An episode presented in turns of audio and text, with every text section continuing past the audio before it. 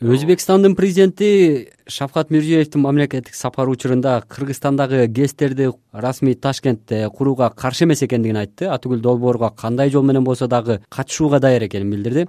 Деги эле бул кандай белги? Сиз өзбек башчысынын айтканын баягы энергетик катары дагы кандай түшүнө алдыңыз? Мен чынын айтканда жакшы кабыл алдым түшүнүш менен абдан жакшы э, белги деп ойлойм да негизинен башка нерселерди эсепке албаганда ушул келгенде эки чоң маселе э, чечилип атат десе болот да биринчиден баягы чек аралар маселеси почти сексен беш проценти чечилип кол коюшуп атат. Анан экинчиси баягы э, электр энергияны сууду чогуу пайдаланайлы анан ошону деген эгер камбар-ата гэсинин курулушу боло турган болсо өзбекстан тарап ага курулушуна каршы эмес. Атүгүл курулушка чогуу э, финансына инвестицияга катышып турайлы деген маселе бул абдан жакшы нерсе чынын айтканда бул мурдатан эле кыргызстан тараптан э, сунуш кылып келинген бирок ошол убактагы жетекчилеринин баягы Э, көз карашы башка болгондуктан көп ылдый жактагы специалисттер башкалар деген кабыл ала алган эмес да.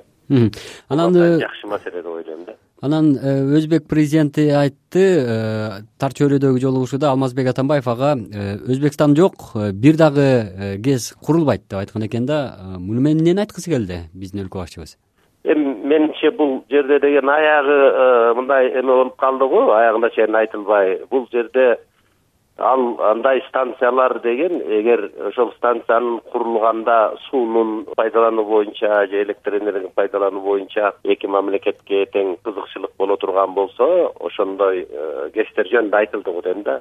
Анан эми мисалы үчүн жана кичинекей гэстер там жүз мегаватт эки жүз мегаватт жана камбар эки окшогондор жөнүндө ал э, ага анын тиешеси жок деп ойлойм да. Баягы мындай көптөн айтылып келаткан сөзүн кыска бир жерин гана бөлүп туруп айтып койду деп ойлойм да. Эми мына камбар ата бир гэсин курулушунун расмий ташкент э, өзбекстан үчүн маанилүүлүгү зор экенин айтты. Коңшу өлкөнүн буга чейинки бийлиги бул гэстин курулушуна буга чейинки бийлик караманча каршы болуп келбеди беле атүгүл ушу бириккен улуттар уюмунун трибунасында да сөз кылчу бул гэс курулбашы керек деп.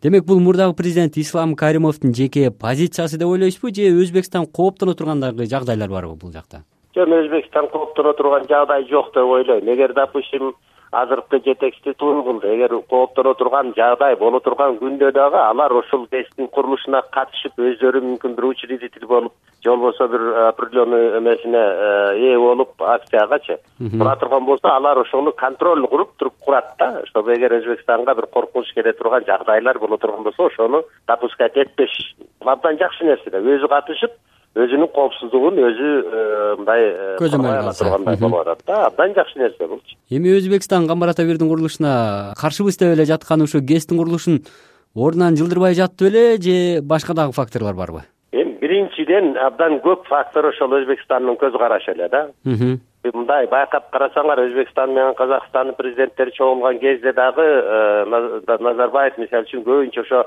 каримовдун айтканына кичине ыктагандай болуп аткан да анын өзүнүн көз карашы боюнча алар көп деле каршы эмес эле. Баягы өзбекстан каршы болуп атканга алар дагы да биз дагы ушундай чогуу эмебиз каршыбыз биз менен макулдашыш керек деп аткан да анан экинчиден эми башка сырттан келип аткан инвесторлор дагы э, ошондон кооптонуп аткан да. Жакынкы мамлекеттер курулушуна каршы болуп аткан болсо инвестиция келип биз куруп кала турган болсок анда өзбекстан каршы болуп туруп башка бир нерселер боло турган болсо ал инвестицияны убагында кайтаруу анын убагында курулушун бүтөбү деген маселелер дагы инвестор үчүн көп ой жаратып аткан да. Менин оюмча бул азыр э, жана айтылган сөздөн кийин причем өзбекстандын жетекчиси айтылган сөздөн кийин инвесторлордун дагы бул жака келишине Э, жакшы шарттар түзүлдү деп ойлойм да. Мен мына кыргызстан соңку жылдары энергетика тармагында бир катар эгемендүүлүктү алгандан бери ушу чечилбей келаткан долбоорлорду ишке ашырып жаткандай айрымдары дагы мына долбоорлор ишке берилип атат.